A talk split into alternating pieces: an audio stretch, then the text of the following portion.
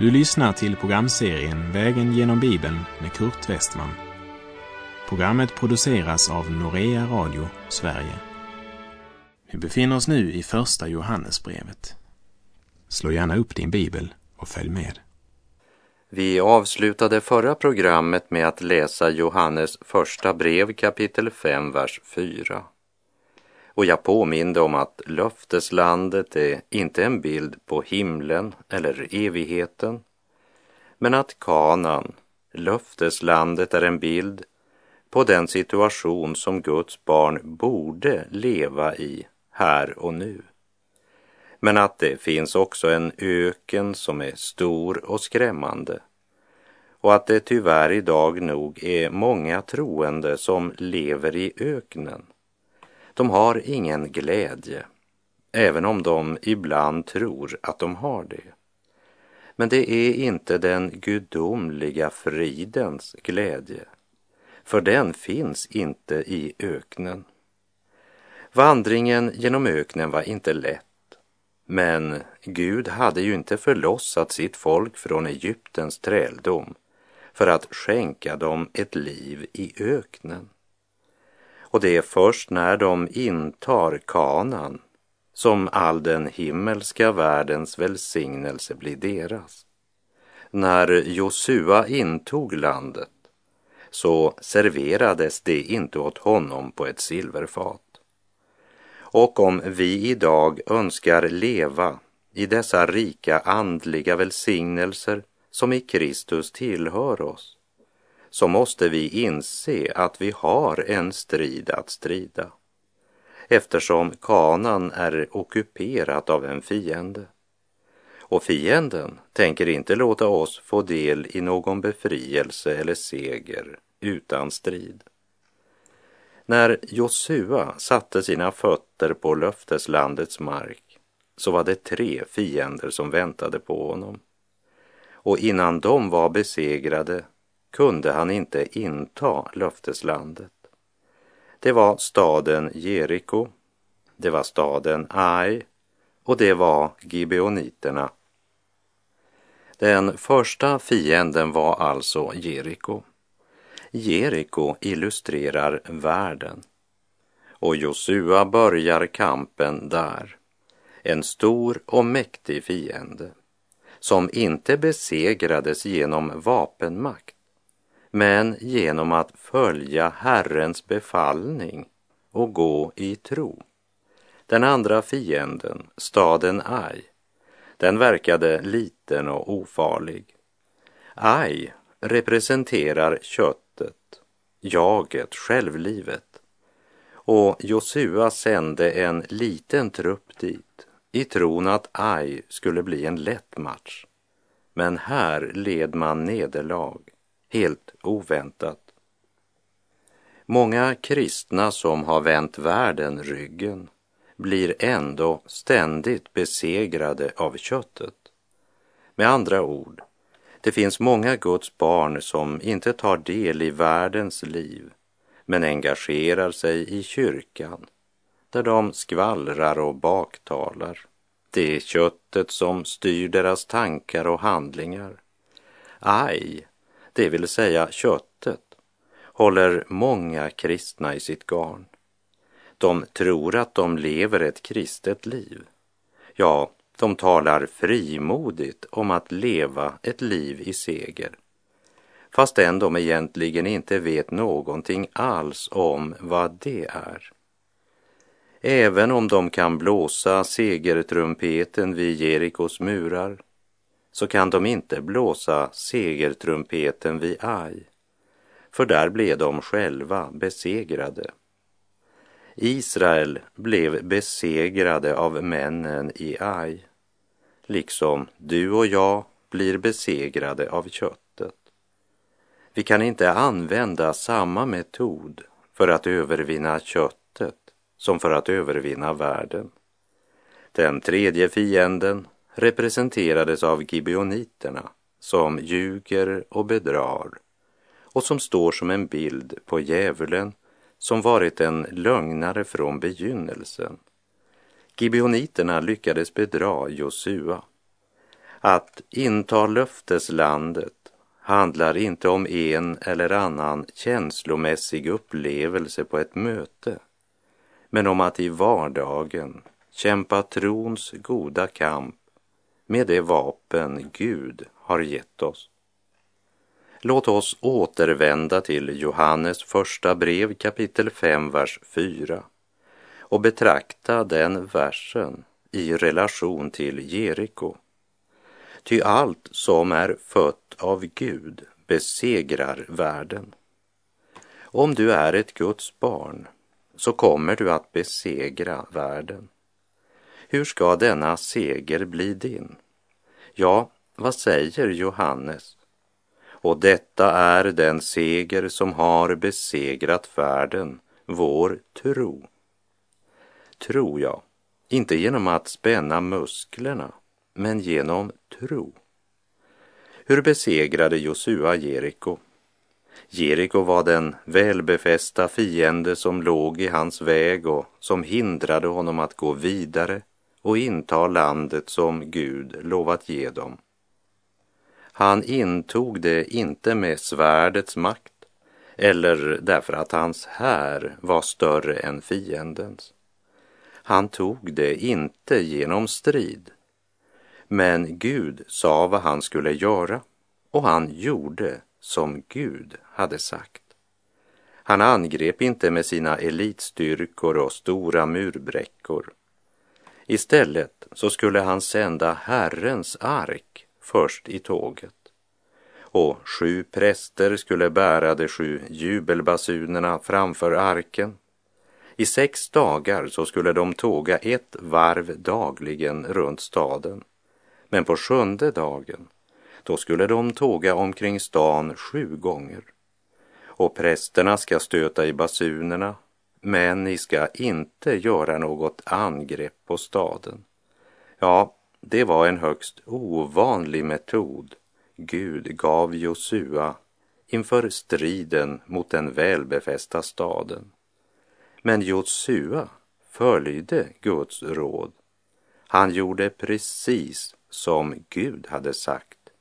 Det var sannerligen ett steg i tro. Stackars alla Guds barn som blivit så påverkade av världens värderingar och tankegång att man glömt att i livet med Gud kan fem minuters lydnad föra dig längre än tio års strävan.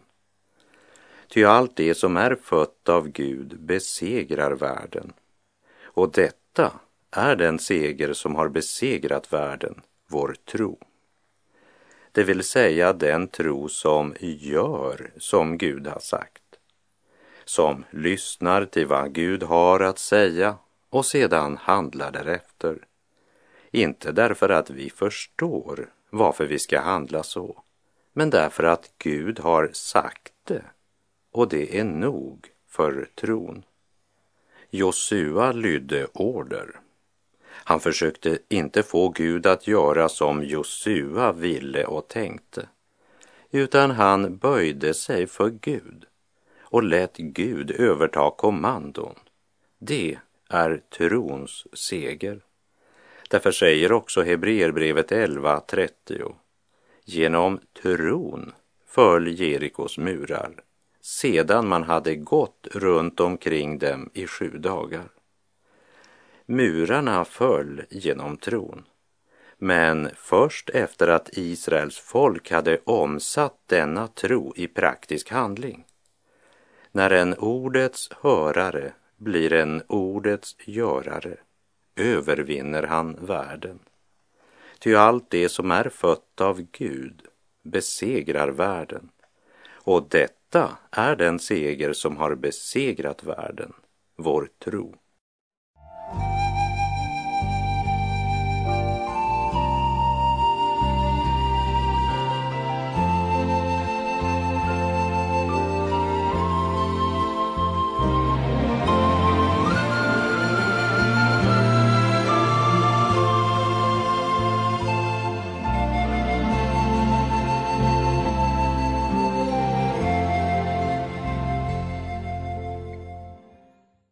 Trots att Josua förfogade över en stor armé var Josua uppgift inte att med makt och svärd försöka övervinna Jeriko. Josua skulle tro på Gud. Det var en sådan ledare Guds folk behövde. Han trodde Gud.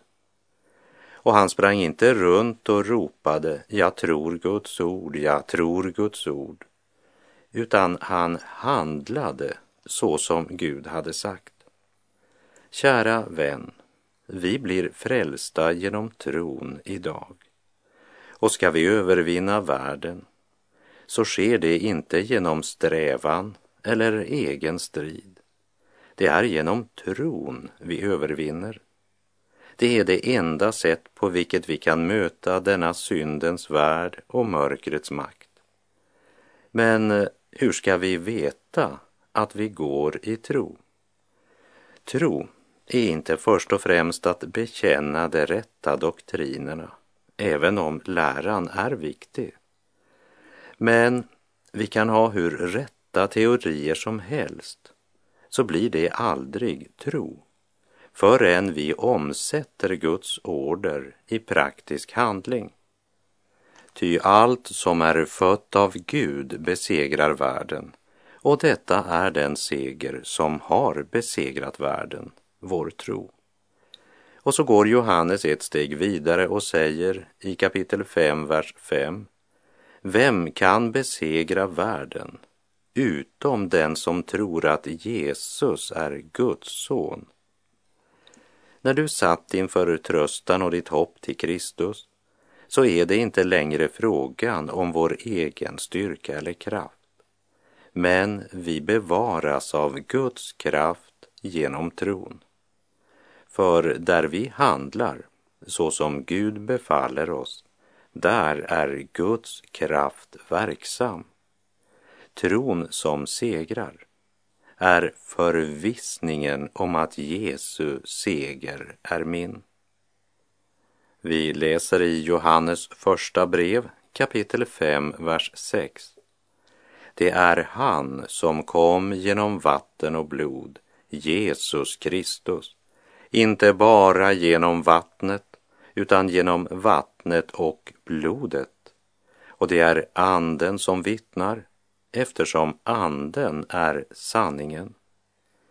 Jesu död, blodet, var för aposteln själva kännetecknet på Guds kärlek. Medan gnostikerna förkunnade att Kristi gudomliga sida förenades med människan Jesus i samband med hans dop, men lämnade honom före hans död. Och mot denna villolära pekar Johannes nu på vattnet och blodet. Och det är uppenbart att huvudtyngden ligger på blodet. Jag är medveten om att det finns en del bibeltolkare som menar att vattnet och blodet talar om dopet och nattvarden. Men i orden han som kom pekar ju ordet kom på något som har hänt. Så allt talar för att Johannes talar om det historiska faktum som skedde när den utlovade Messias, Guds son, kom till vår jord. Som du minns så vittnade skriften om Messias att inget ben skall krossas på honom. För att påskynda döden så krossade man ibland de dödsdömdas ben. Men Johannes berättar följande i sitt evangelium. Johannes evangeliets 19 kapitel, verserna 33 till och med 36. När de därefter kom till Jesus och såg att han redan var död krossade de inte hans ben, men en av soldaterna stack upp hans sida med sitt spjut och genast kom det ut blod och vatten.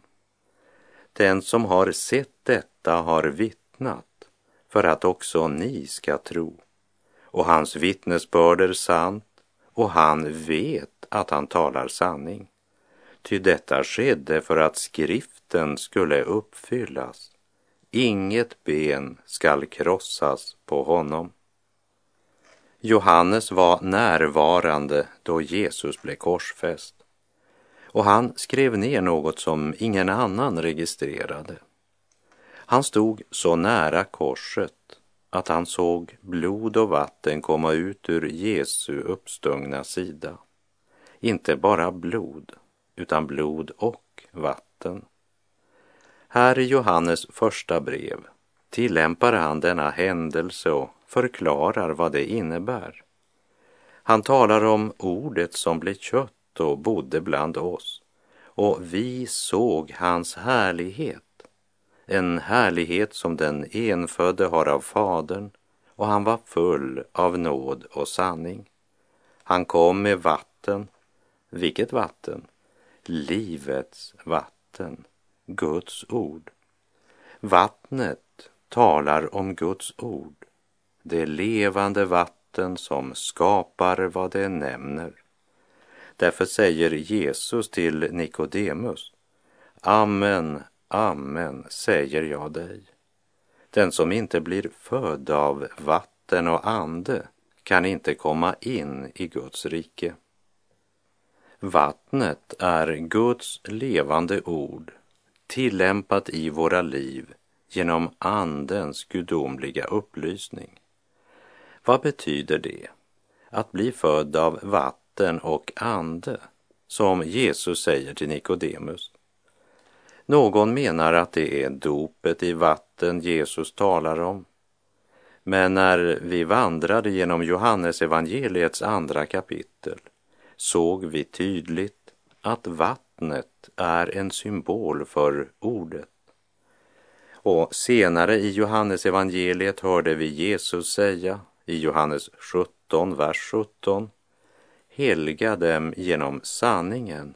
Ditt ord är sanning. Det är en renande, helgande kraft i Guds ord. Och i Johannes 15, vers 3 i Bo Gerts översättning står det så har han redan gjort er rena genom det ord jag har talat till er. Guds ord sammanliknas med vatten om och om igen. Och vi tror fast och visst att ingen kan bli född på nytt utom genom ordets bad och den helige Andes uppenbarelse. I sitt första brevs femte kapitel säger alltså Johannes, vem kan besegra världen utom den som tror att Jesus är Guds son? Det är han som kom genom vatten och blod, Jesus Kristus. Inte bara genom vattnet, utan genom vattnet och blodet. Och det är anden som vittnar, eftersom anden är sanningen. Blodet talar om Kristi försoningsdöd. Det är han som kom genom vatten och blod i Jesus Kristus, inte bara genom vattnet utan genom vattnet och blodet. Sanningens budskap, evangeliet, det hade bara varit ett vackert löfte utan verklig kraft om inte Kristus lidit döden på korset för våra synder. Men han kom inte bara med vatten, utan han kom med vattnet och blodet. Guds löfte och Kristi lidande kan inte skiljas från varandra. Och det är anden som vittnar eftersom anden är sanningen. Den underbara sanning som ligger dold i Kristi försoningsdöd och segerrika uppståndelse är till ingen nytta om inte Guds helige ande får uppenbara denna sanning för vårt hjärta. Låt oss komma ihåg vad Jesus sa till sina lärjungar i tiden mellan hans död och uppståndelse och pingstdagen. Att de skulle vänta i Jerusalem. De skulle inte vittna. För de kunde inte vara verkliga Jesus vittnen utan den helige Ande. Därför är det helt avgörande om någon ska bli frälst. inte bara att Kristus dog för cirka 2000 år sedan, men att han är uppstånden, lever och verkar genom den helige Ande i ditt och mitt liv idag.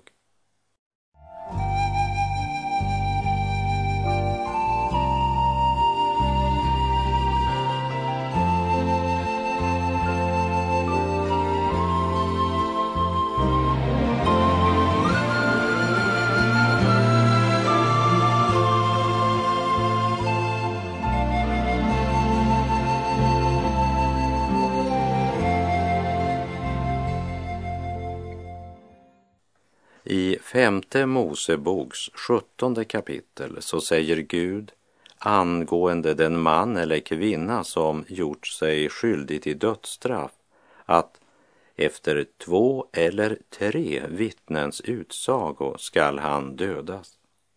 Ingen skall dömas till döden efter endast ett vittnes utsago. Och i det nya förbundet skriver Paulus till sin medarbetare Timoteus i Första Timoteusbrevet 5, vers 19. Ta inte upp en anklagelse mot någon av de äldste om det inte finns två eller tre vittnen. Johannes talar i sitt första brev kapitel 5 om tre som vittnar att Jesus är Kristus, den utlovade frälsaren.